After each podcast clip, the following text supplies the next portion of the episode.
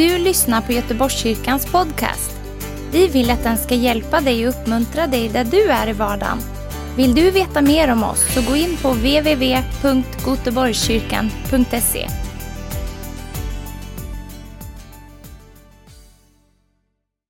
Jag ska börja att undervisa utifrån eh, första Korinthierbrevet. Så har du en vanlig pappersbibel eller någon digital bibel eller någon padda eller någonting så följ med mig direkt ifrån den första versen där, första Korintierbrevet. Det kallas också faktiskt för problembrevet. Det låter inte så jätteroligt.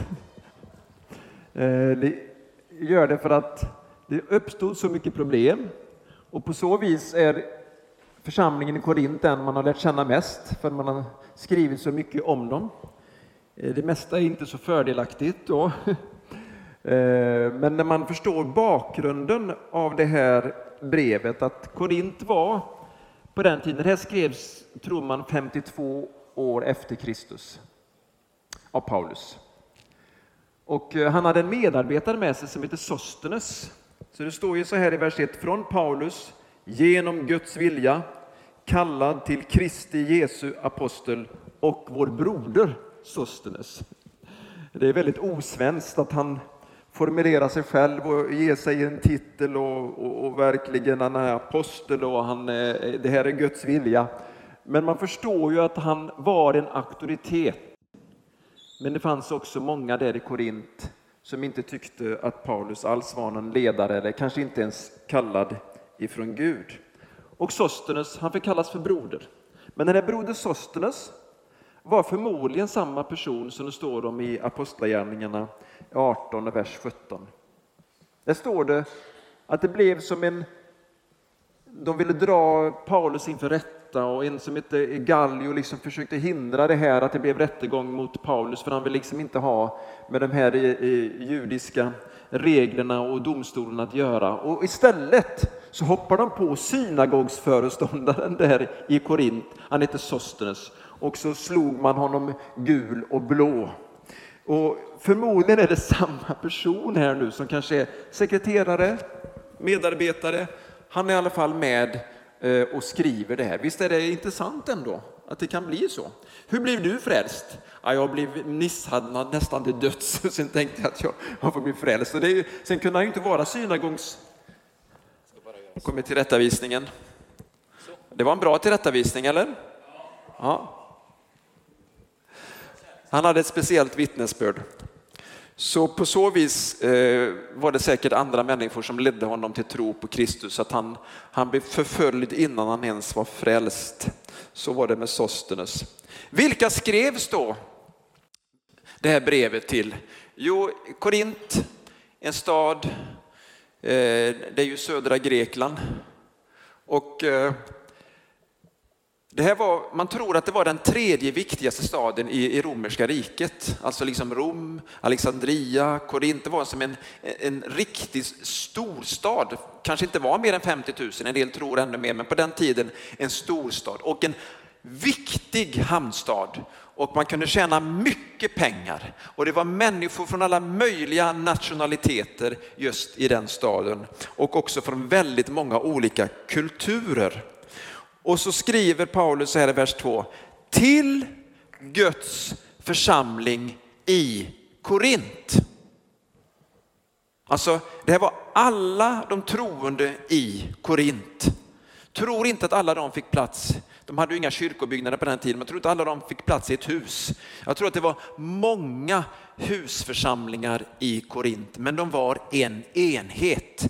De var Guds församling i Korint.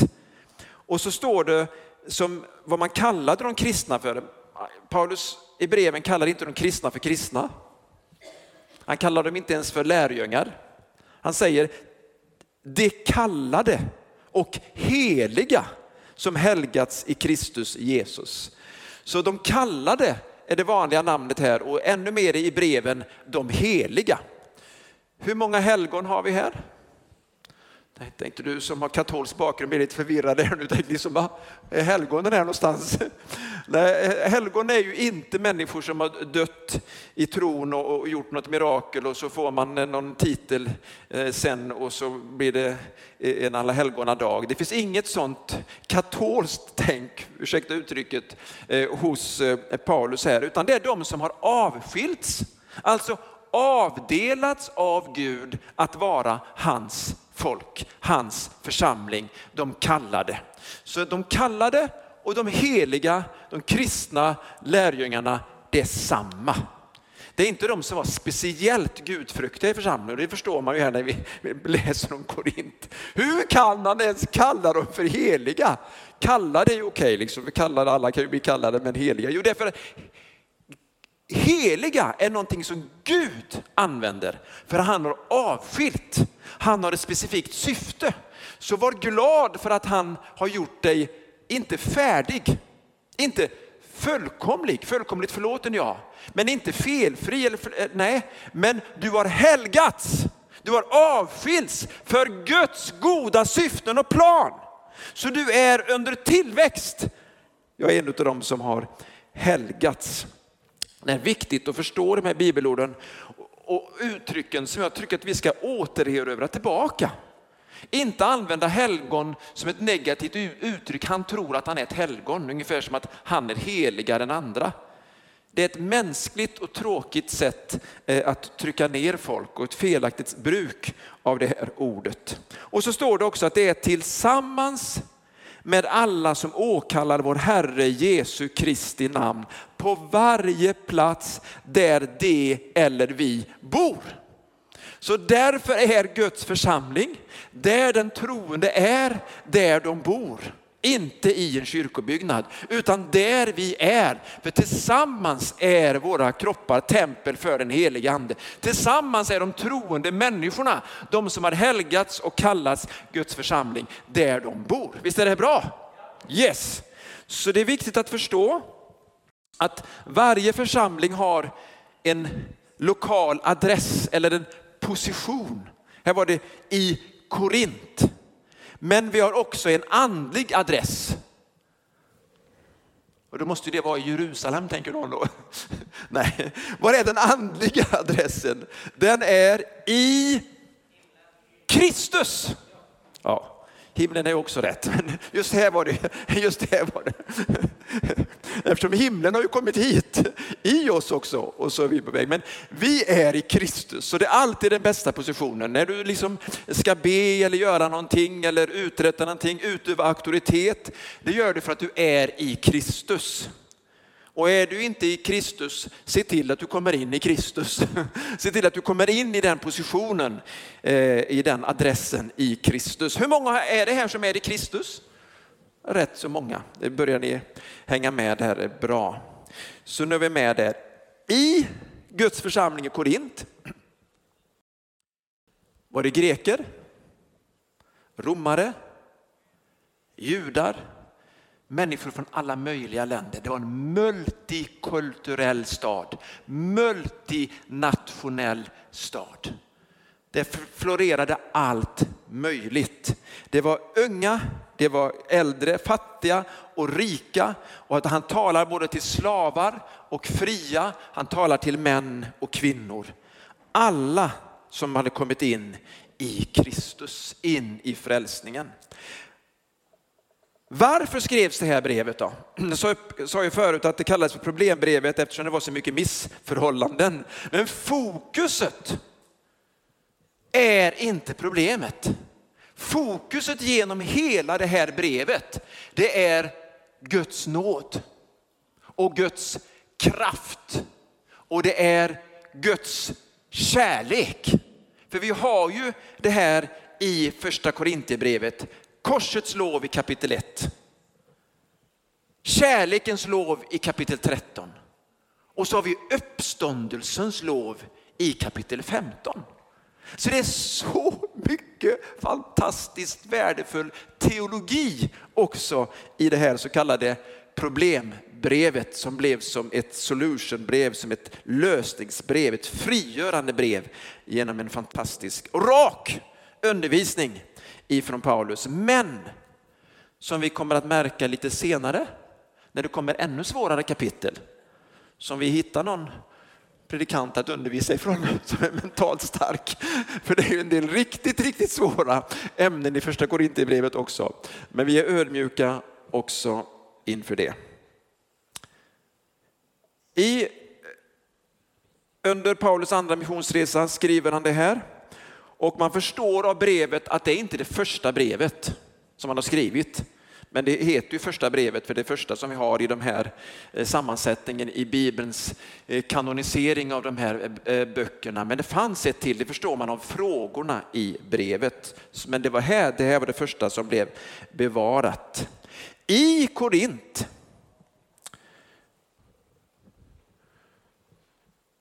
eller från Korint så hade man ett negativt ord på människor som levde i sexuell synd. Man kallade dem för korinter eller att man levde på ett korintiskt sätt. För oss är Korint något litet gulligt som sitter i en apelsin eller ni vet, det är liksom någonting fint. Men det var för att i den här staden så levde man ut sina sexuella eh, böjelser helt ohämmat. Så det, det här var så allmänt förekommande och man tror att det fanns tusen prostituerade. Och de här prostituerade, eh, de liksom gav pengar till avgudatemplen. Och eh, kärleksgudinnan Afrodite, man kallar henne för kärleksgudinnan, kanske mer rättvist epitet, sexgudinnan eh, Afrodite gjorde att människor på något sätt tillbad eller gav sig hän till Eh, sex eh, utanför äktenskapet, utan regler, utan normer, utan etik. Då levde man på korintiskt sätt. Och vi känner igen det idag, 2024. Också i vårt eget land. Inte bara i Amsterdam som någon sa, eller i New York eller någonstans eh, i Kina, utan i vårt eget land, i vår egen stad. Att människor vill liksom inte ha den här etiken. Man, man tycker att nej, vi vill, vi vill bara ge efter för det och så kallar man det för kärlek och förstår inte att kärlek har mycket mer med ansvar och ömsesidighet och utgivande än att leva ut en lust. För det handlar mer om sexuellt begär. Så visst kan man förvränga ord väldigt mycket. Och dessutom tillbad man Dionysos. Vem var Dionysos? Det var vinguden, också lite finare namn. Det var vingud, det var lite fint. Jag pratade med en av mina vänner som just nu inte är så öppen för evangeliet, man vill gärna prata med mig. Så säg, pratar jag lite om församling och så pratar jag om att vi prisar Gud. Sjunger sånger och berömmer Gud. Jag sjunger bara när jag dricker sprit, sa han. Jag tänkte, det, jag, jag kommer ju ihåg det, men jag har ju levt likadant. Vi sjöng också när vi drack sprit. Grejen liksom på en kräftskiva var att äta kräfter, dricka sprit och sjunga hyllningssånger till spriten och alkoholen. Det här är en avgud som heter Dionysos som till och med har ett namn, en fyllegud. Denna tillbad man. Man tillbad också Asklepios, eh, läkekonstens gud. Man tillbad liksom den här förmågan att vi genom mänskliga krafter kan läka. Det innebär ju inte att det är fel med läkare och läkedom. Det Gud använder ju människor. Gud vill ju att alla människor ska vara friska. Men vi ska inte tillbe den vetenskapliga läkedomen och hylla den. Asklepios är den här figuren med, med eh, ormen också. Så det här tillbad man i Korint. Då kommer evangeliet till Korint. Halleluja! Det är bara så att denna världen eller kulturen i Korint ville liksom inte flytta ur när Jesus kom in. Därför man tog emot Jesus Kristus, frälsningen. Men man lät inte frälsningen ha sitt pågående verk. Så att kraften genom korset också blev att man levde ett helgat liv. Att man levde ut frälsningen. Och det här känner vi ju också igen. Att man, nej men det räcker att människor tar emot Jesus så frälsningsförklarar vi dem. Frälsningen börjar med Jesus och, och korset. Den fortsätter med Jesus och korset och uppståndelsen. Den slutförs genom Jesus och korset och uppståndelsen. Hallå? Är ni med här? Yes. Därför så ska vi inte bara ta emot Jesus, han ska också bli våran Herre och våran ledare ända tills vi går in i mål. Lovat vara Herrens namn. Och så står det också så här i vers 3. Nåd vare med er och frid från Gud vår far och Herren Jesus Kristus. Jag tackar alltid min Gud för er, för den Guds nåd som ni har fått i Kristus Jesus. Alltså det är så underbart. Alltså, ibland kan man ju tänka så här, när man ska tacka Gud för någon. Och man kan inte komma liksom på riktigt vad Gud har gjort i deras liv. Men hur ska jag kunna tacka Gud för den här människan som, som bara ställer till det och det kanske är någon som bråkar eller någon som eh, lever ohämmat i, i synd och vill, vill inte om. Hur ska jag kunna tacka Gud? Så säger han, tack Gud för den nåd. Visst är det bra? Man bara kommer undan. Nej, inte bara att man kommer undan. Det är ett härligt sätt att tänka om människor som man har i församlingsfamiljen. Som man är satt att vara med. Inte Gud flytta på alla jobbiga syndiga människor. Så var ska han ställa dig då? Eller mig? Alltså det, är, det är fel sätt att approacha. Det är att säga Gud tack för nåden. Därför nåden ger oss tro att människor blir förvandlade av nådens kraft. Därför att när nåden tar över flyttar synden ut. Ära halleluja. Sen så var det ju så här att, att grekerna de hälsade karis och judarna hälsade shalom.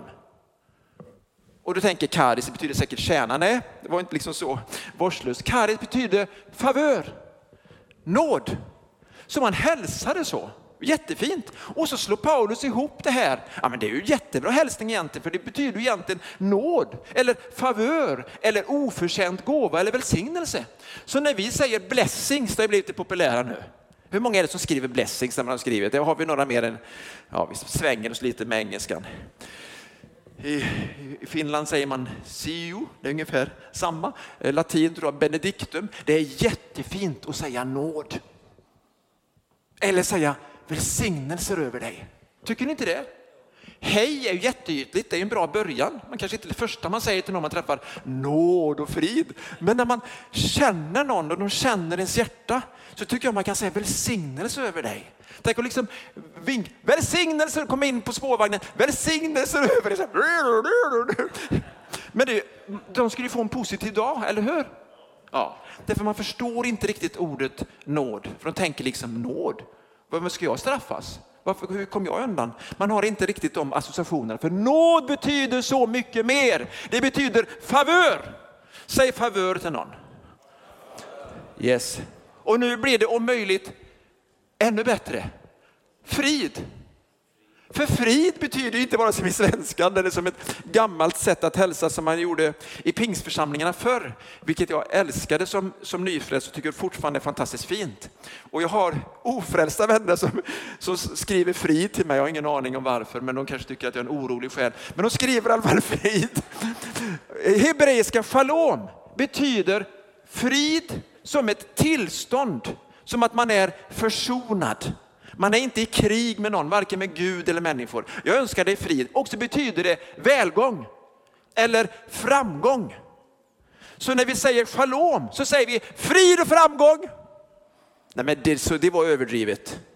Ska vi liksom säga välsignelser, favör, frid och framgång. Jag tycker det är fantastiskt att hälsa ett sånt gäng som de i Korint med favör, välsignelser, frid, framgång. Sen så kommer förmaningarna och tillrättavisningarna. Men han, han har ju lagt upp det väldigt bra. Han har lagt upp det väldigt bra och jag tror att det är en approach, hur ska jag säga det på ett bättre ord, det är ett sätt att närma sig människor. För när vi hälsar på människor så är det som en första kontakt. Orden vi säger betyder mycket. Är de för slarviga så kan det bli för respektlöst. Så ni som är yngre, säg inte den som har fyllt, fyllt 70, tja! Eller shabba. Och absolut inte tjänare, även om det liksom låter väldigt fint, för från början var det en förkortning av jag ödmjuke tjänare, så började man sådär. Sen så blir det bara tjänare och låter lite slarvigt, eller hur? Men man kan säga det här, hej tjänare, men säg också frid, framgång över ditt liv, favör till dig, välsignelser till dig. Det här är bibliska hälsningar som man använde allmänt på den tiden. Så en del saker var bättre förr. Håller ni med? Ska vi återerövra de här bra orden? Yes, då ska vi se om jag... Nej, jag går... Knäna håller inte idag för sådana atletiska övningar.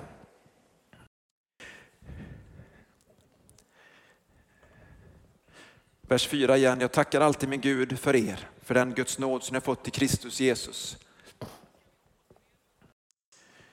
En gåva som hade givits dem, en favör som hade givits dem oförtjänt. Men allt var i Kristus Jesus. Och hör här nu. I honom, i Kristus, har ni blivit rika på allt. Visst syns det där? På allt tal och all insikt eftersom vittnesbördet om Kristus har fått stadigt fäste hos er. Därför saknar ni inte någon nådegåva medan ni väntar på att vår Herre Jesus Kristus ska uppenbaras. Väldigt tydligt är att alla de här församlingarna som Paulus skriver till, de väntade på att Jesus skulle komma tillbaka under deras levnad. Att han skulle uppenbaras, att han skulle framträda, att han skulle visa sig igen. Medan de väntade var de aktiva och tjänade med övernaturliga gåvor. De här gåvorna kommer vi att undervisa lite mer om, kommer ju i första Korinthierbrevet kapitel 12 och kapitel 14. En mångfald av övernaturliga gåvor. Detta fanns i överflöd hos korintierna medan de väntade. Det här var bra, men framför allt var det ord, tungotal, ord, insikt, kunskap. Men det var inte så mycket andens frukt. Men det var ändå gåvor och vittnesbördet om Kristus blev känt. Så att vittnesbördet om Kristus blir känt genom att vi talar honom, berättar om honom. Inte bara när vi är gudfruktiga och andens frukt. Men det är ju så att gudfruktigheten och helgelsen stryker under våra ord. Så det blir lite starkare att det inte bara blir ord. Men Kristus och vittnesbördet blev förkunnat i Korint. Så allt var inte dåligt, mycket var väldigt bra. Och så står det också så här uppmuntrande. Han ska också styrka er ända till slutet. Han uppmuntrar, han ska styrka er ända till slutet. Han säger inte att det är kört med dem. Han säger ni ska gå i mål. Herren ska styrka er. Han ska vara eran coach, eran ledare, eran hjälpare ända till den dagen. Så att ni inte kan anklagas på vår Herre Jesu Kristi dag. Vad i hela världen är det för dag? Jesu Kristi dag. Tänker, det måste väl vara söndag, sa göteborgaren. Därför att då går vi ju till gudstjänst, i alla fall en del. Jesu Kristi uppståndelsedag tror man, eller det vet man, det var ju en söndag. Men Jesu Kristi dag, Herrens dag som det står om också i gamla testamentet, det är domens dag. Hur ska vi kunna vara skuldfria på domens dag? Genom Jesu Kristi nåd. Därför att vi är i Kristus. Inte för att vi är felfria. Då skulle det vara kört för två eller tre av oss. Eller alla, eller hur? Men vi ska stå skuldfria därför skulden var lagd på honom. Han bar all världens synd, alla skulder på sig själv för att vi skulle bli fria. Halleluja! Var inte rädd för den dagen. Tro på din Herre Jesus Kristus, vad han har gjort på korset. kommer mer om det. Så står det sen, vers 10. Vi ska hinna med det här ända till slutet. I vår Herre Jesu Kristi namn uppmanar jag er bröder nu är det här ordet uppmana, grekiska parakletes, samma ord som i hjälparen den helige ande. Samma ord som betyder coacha, peppa, uppmuntra, sporra och förmana. Så nu så säger han, nu peppar jag er, eller nu sporrar jag er. Till vad då? Ni hade hört hur många avgudar det fanns. Ni hade hört eländet i Korint, vad börjar han med att ta upp? Vad är det han tycker är viktigast? Visst är det tänkvärt? Här kommer det. I vår Herre Jesu Kristi namn, alltså det är auktoritet nu, inte bara som Paulus.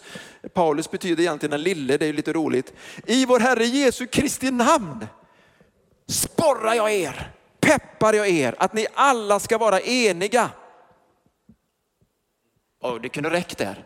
Men enigheten förklaras genom att i det ni säger, i allt vad ni säger och inte låta splittring finnas bland er utan stå enade, grekiska katartizo, stå enade i samma sinne och samma mening. Av Klos folk, vers 11, har jag nämligen fått veta om er, mina bröder, att det förekommer stridigheter ibland er. Stå enade, samma ord som när man lagar nät. Ni vet ju att jag är uppväxt med, eller en del vet i alla fall, med en pappa som var fiskare. Och min farfar lagade näten, min pappa lagade nät och så fick jag lära mig då att liksom knyta ihop de här näten med eh, ett speciellt verktyg. Därför pappa sa om vi inte lagar näten och det är bara en liten reva i näten så blir det snabbt mycket, mycket större och så förlorar vi all fångst. Så tvätta, rena, Eh, ett ord som man i engelskan säger, mending, fixar till näten. Samma ord katartizo, rena, fixa, laga näten, laga håligheter så det inte blir revor, splittring i församlingen genom att ni har samma åsikt och tänkande. Förstår ni att det här var viktigt? Så det här är inga småsaker. Man säger, ja, men någon har fallit här och någon har gjort fel och någon har gjort den synden och ett, ett snedsteg. Vi utesluter dem i församlingen. Nej, här kan människor upprättas. Här kan människor få, få, få kraft och mod att inte falla igen. Men när det gäller splittring, är Bibeln så tydlig. Det är så allvarligt att om någon vållar splittring så måste den omvändas eller föras bort ifrån gemenskapen. Annars går allt sönder. Så är din familj. Så är det i ett fotbollslag, så är det naturligtvis i en församling, så är det i en armé. Därför så behöver vi knit together, knytas ihop, lagas ihop. Minsta tendens till att det blir splittring genom förtal eller starka åsikter. Och hur ska vi klara av det? Jo, genom att alla underordnar sig min åsikt. Nej, då blir det denna världens manipulation. Utan genom att alla underordnar sig Kristus. Genom att Jesus blir, är våran gemensamma Herre. Genom att Guds ord digitala bibeln här nu, inte telefonen. Genom att Guds ord är våran auktoritet och vi underordnar oss det. Och genom att vi har samma helige ande, samma hjälpare, samma coach inom oss. Och det finns väl ingen coach som vill ha ett enat lag som säger, jag säger till dig det här, jag säger till dig det. Nu ska ni kriga mot varandra och hoppas att det vinner mot motståndaren. Nej, vi är tillsammans. Så den helige ande, han är där och för oss till enhet. Amen. Viktiga, otroligt viktiga sanningar. Men hur var de splittrade då? Nu kommer det här med favoriseringar. Vad jag menar är att ni var och en säger, jag håller mig till Paulus. Eller jag håller mig till Apollos. Eller jag håller mig till Kefas. Eller jag håller mig till Kristus. Är Kristus delad? Det var väl inte Paulus som blev korsfäst för er? Eller var det i Paulus namn ni blev döpta? Vad är det som händer här? Om jag hade varit Paulus så skulle jag tycka det var jättebra om de höll, mig, höll sig till mig. Men Paulus han, han ser ju över det här, eller han ser igenom det här. Människor som kommer och vill frottera. Så, du, du predikar så är det bra. När du leder så är det bra. Men du vet att han predikar eller hon predikar eller den, det är inte riktigt bra. Jag känner mig inte trygg. Alltså, det där kan man faktiskt se igenom. Om man inte har för mycket ego och kött. Ja, precis. Ja, men så är det ju. Håller ni med? Och så, men, men Apollos då? Var det ett hot? Var en av Paulus närmaste vänner. Apollos var inget hot. Men han kom liksom ifrån den grekiska kulturen. Han var en otrolig vältalare som blev omskolad till att bli en förkunnare som talade brinnande i anden. Som liksom var vän med Aquila och Priskvila, Som blev en fantastisk medarbetare. Men han var en typisk, typisk, typisk lärare. Och Paulus var en typisk, typisk, typisk eh, Apollos eh, eh, apostel dessutom. Så de var olika. Så de som skulle komplettera varandra ville några i församlingen polarisera och sätta emot varandra. Så gör splittraren. Han kan ta gåvor, tjänster, predikanter som vi läser på nätet som är hur bra som helst. Så tänker man, jag lyssnar bara på den. Jag följer den predikanten, eller jag följer det samfundet. Då blir det ju liksom ännu värre. Jag följer ett samfund. Mitt samfund säger, hallå, vad säger ordet? Vad säger anden? Det är det det handlar om. Men Paulus då, eller Kefas då? Kefas, det var ju Petrus. Man skulle väl ändå kunna vara en, en petrian. Eller som eh, katolikerna, påven, kommer ju från Petrus. Här har man verkligen anammat det här. Jag följer liksom Petrus från början, han var ju den första. Allt ska komma ifrån Petrus, allt ska komma ifrån Kristus. Alla vi andra är tjänare.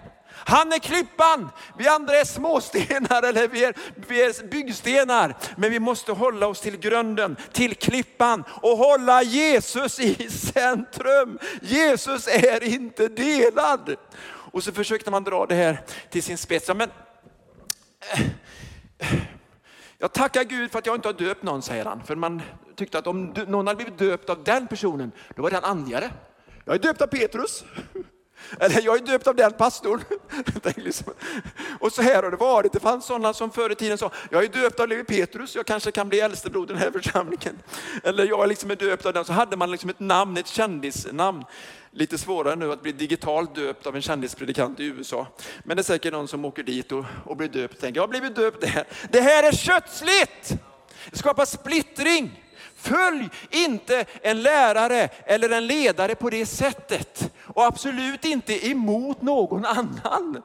För då blir du, som han sa för en så har jag alla med, man blir en som följer Luther, man blir en som följer Calvin och man blir en som, som följer och så har man alla de här lärorna. Och så frågar man inte efter vad Guds ord tillsammans säger. För man har bestämt sig, jag följer den där ledaren, den där kyrkofadern. Det är kötsligt, det vållar splittring. Det kanske, du kanske känner en trygghet i det, men det är en kötslig trygghet. Så jag befriar dig från det här. Men de här som följde Kristus då? Hur är hel, varför förmanar de som säger, vi tillhör Kristus. Jag tror att det var sådana som var lite andliga än andra. Nej, vi, men vi följer Kristus. Och så fanns det en sån gruppering också. De dyker alltid upp. Som manipulativt tänker, ja men, nej men vi följer bara Jesus. Så vi är de enda sanna kristna. Den bästa kyrkan. I våran grupp så följer vi bara Jesus, inte människor. Hallå, även det tänket avslöjades för det var kötsligt. Visst är det tänkvärt det här? Är det någon som känner igen sig i det här? Är det någon som har haft för mycket en favoritpredikant? Är det bara jag? Jag har varit en väldig Levi Petrusian nådde den som sa någonting emot Levi Petrus och hans var liksom, nej absolut inte. Eh, jag har fortfarande otrolig respekt, men ni förstår, det var en trygghet för mig som ung predikant att hålla mig till någon och så kunna säga det också till de gamla pingstvännerna. Då känner de sig väldigt trygg med mig. Vi ska vara trygga i Kristus. Vi ska vara trygga i den heliga ande och den gemenskapen. Vi ska vara trygga därför att vi är lyhörda och för att han har kallat oss. Vi har en och samma Herre. Halleluja! Vad händer sen? Jo, eh, han tackade ju för att han inte hade döpt någon av er, förutom Crispus och Gaius, så att ingen kan säga att ni blev döpta i mitt namn. Jo, Stefanos familj har jag också döpt. Annars vet jag inte om jag döpt någon annan. Kristus har inte sänt mig för att döpa, utan för att predika evangeliet. Men inte med vältalig vishet så att Kristi kors förlorar sin kraft. Nu kommer fokus tillbaka till att uppdraget är att förkunna evangeliet. Inte hålla sig till den ene eller till den andra. Inte dopfrågan eller lovsångsfrågan, eller vad man nu kan komma på och bråka om. Eh, bråk om äktenskap och samliv i församlingen, eller hur? det kan man ju passa på att bråka om. Man kan bråka om, vad kan man bråka om mer? Man kan bråka om allt möjligt om man vill. Om man har en stark åsikt. Men när man förstår Gud är större, det är viktigare med enhet i familjen. Hjälp oss heliga ande att vara där och framföra sådana åsikter och ett sådant tänk som leder till att vi bygger familjen, bygger laget, coachar teamet för att förkunna evangeliet och vinna människor. Det mest sorgliga jag har hört, man hade kommit en tid i kyrkan när man diskuterade färgerna på prästernas kläder. Samtidigt så intog muslimerna de kristna områdena. Därför man fastnar i någon lära och glömmer bort att förkunna evangeliet. Glömmer bort att vi är familj, att vi är ett team. Men inte med vältalig vishet predikade jag för att Kristi kors inte skulle förlora sin kraft. Vers 18. Ordet om korset är en dårskap för dem som går förlorade. Men för oss som blir frälsta är det en Guds kraft. Ska vi säga det? För oss som blir frälsta är det en... Ja, för oss som blir frälsta. För frälsningen, den är kopplad till våran tro. Frälsningen är kopplad till korset, inte till mänsklig visdom. Så står det ju vers 19, det står ju skrivet, jag ska göra slut på den visas visdom och förkasta det förståndigas förstånd. Alltså det är intellektualismen eller eh, alla filosofier. Alltså man, kändisarna på den tiden i Korint, det var kringresande predikanter som inte predikade evangeliet utan som predikade filosofiska läror som triggade dem. Ungefär som vi blir triggade av den senaste hitten, senaste musiken eller melodifestivalkändisar eller skådespelare. Så blir man triggade av de här fantastiska talarna, för det var deras kultur. Man upphöjde och tillbad vis visdomen ifrån människor. Och så står det så här. Det, var är de visa? Var är de skriftlärda? Var är den här världens debattörer? Har inte Gud gjort den här världens visdom till dårskap? Förstår ni vilken krock det blir när man kommer in i ett sådant sammanhang? och bara tar ödden av allt det där som de har trott på. Alla avgudarna, all kulturen, allt som de upphöjde. Och så talar man om en korsfäst Kristus som har dött för våra synder. Som befriar oss från ett liv i laster. Vi kommer in i glädjen, i harmonin och Guds syften och plan med våra liv. Förstår ni vilken krock det blev? Uh. Och så står det sen, Har inte Gud gjort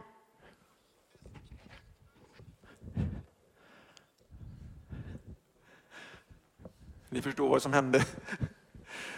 När världen inte genom sin visdom lärde känna Gud i hans vishet beslöt Gud att genom den dårskap vi förkunnar frälsa dem som tror. Judarna begär tecken och grekerna söker vishet. Men vi predikar Kristus som korsfäst, för judarna en stötesten och för hedningarna en dårskap. Men för de kallade, både judar och greker, predikar vi Kristus som Guds kraft och Guds vishet. Guds dårskap är visare än människor och Guds svaghet är starkare än människor. Bröder, se på er egen kallelse. Inte många av er var visa på världens sätt. Inte många var mäktiga, inte många förnäma.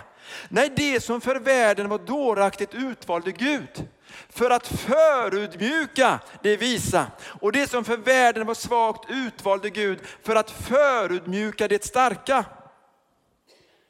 Och det som för världen var obetydligt och föraktat och inte fanns till, det utvalde Gud för att till intet göra det som fanns till. För att ingen människa ska berömma sig inför Gud. Visst är det här bra? Tack vare honom är ni i Kristus Jesus. För oss har han blivit vishet ifrån Gud.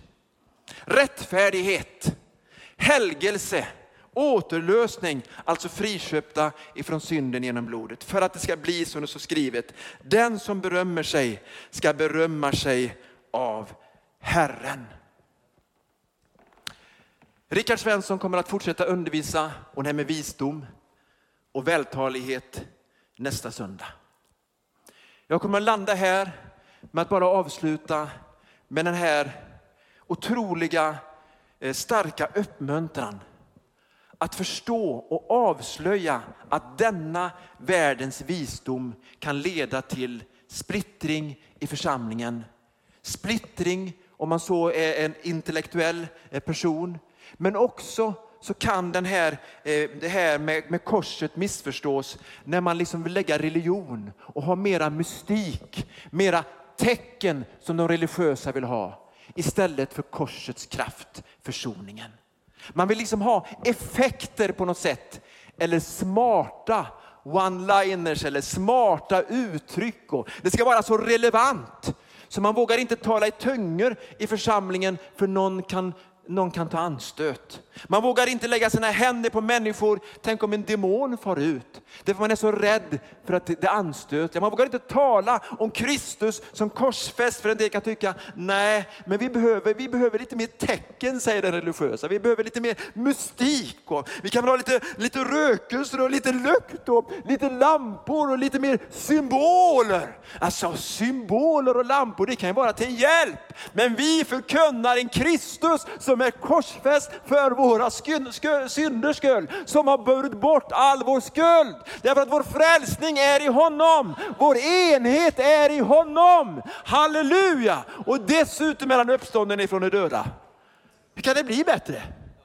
Hur, går det, hur är det här möjligt? Och nu säger jag det igen, som i rubriken. Allt det här är möjligt för oss genom tron. Det är någonting vi väljer i tro. Jag har valt Kristus i tro. Under hela gymnasieperioden läste jag filosoferna, grekerna. Och hela mitt liv varit fascinerad av det övernaturliga. Mystik, under och tecken. Sånt som inte kan förklaras. Men när jag möter Gud genom Jesus Kristus, tar emot frälsningen, så blir jag korsfixerad, korsmärkt. Jag liksom blev fascinerad av Jesus som person. Och jag började tro att han också hade uppväckts ifrån de döda. Det var det som ledde mig till frälsning den kvällen. När någon sa Christian, du måste fatta det där med Jesus. Det var därför jag gick hem, tog emot honom och bara säger Jesus, jag tror på dig, jag tar emot dig i mitt liv. Det var, det, alltså, bara en vecka innan hade det varit dårskap. Hör ni vad jag säger? Och liksom för mitt intellekt, det, det funkar ju inte. Inte kan väl någon uppstå ifrån de döda? Man är ju liksom, det, är, det är ju liksom ingenting kvar. Hur kan det hända? Jag valde att tro och genom tron så blev jag frälst. Halleluja! Därför talet om korset är en dårskap för den som går förlorad. Men för den som tror är det vad då? Det är en Guds kraft till frälsning. Halleluja, jag är frälst från straffet, from the penalty. Jag är också frälst ifrån the power, alltså kraften i synden, därför nådens ande verkar i mig. Jag är också frälst, kommer att bli frälst en gång ifrån närvaron av synd. Det kommer inte ens att finnas något mera när vi är framme. Halleluja, ingen sådan kamp och sorg mer. Men idag behöver jag korsets kraft för att leva i helgelsen och i reningen. Vill du vara med? Vill du vara med mig på den här resan? Vill du vara med och befrämja enhet i församlingen? I Kristi kropp. Inte bara i de som samlas i den här lokalen, utan församlingen, Guds församling i Göteborg. Vi står upp. Halleluja!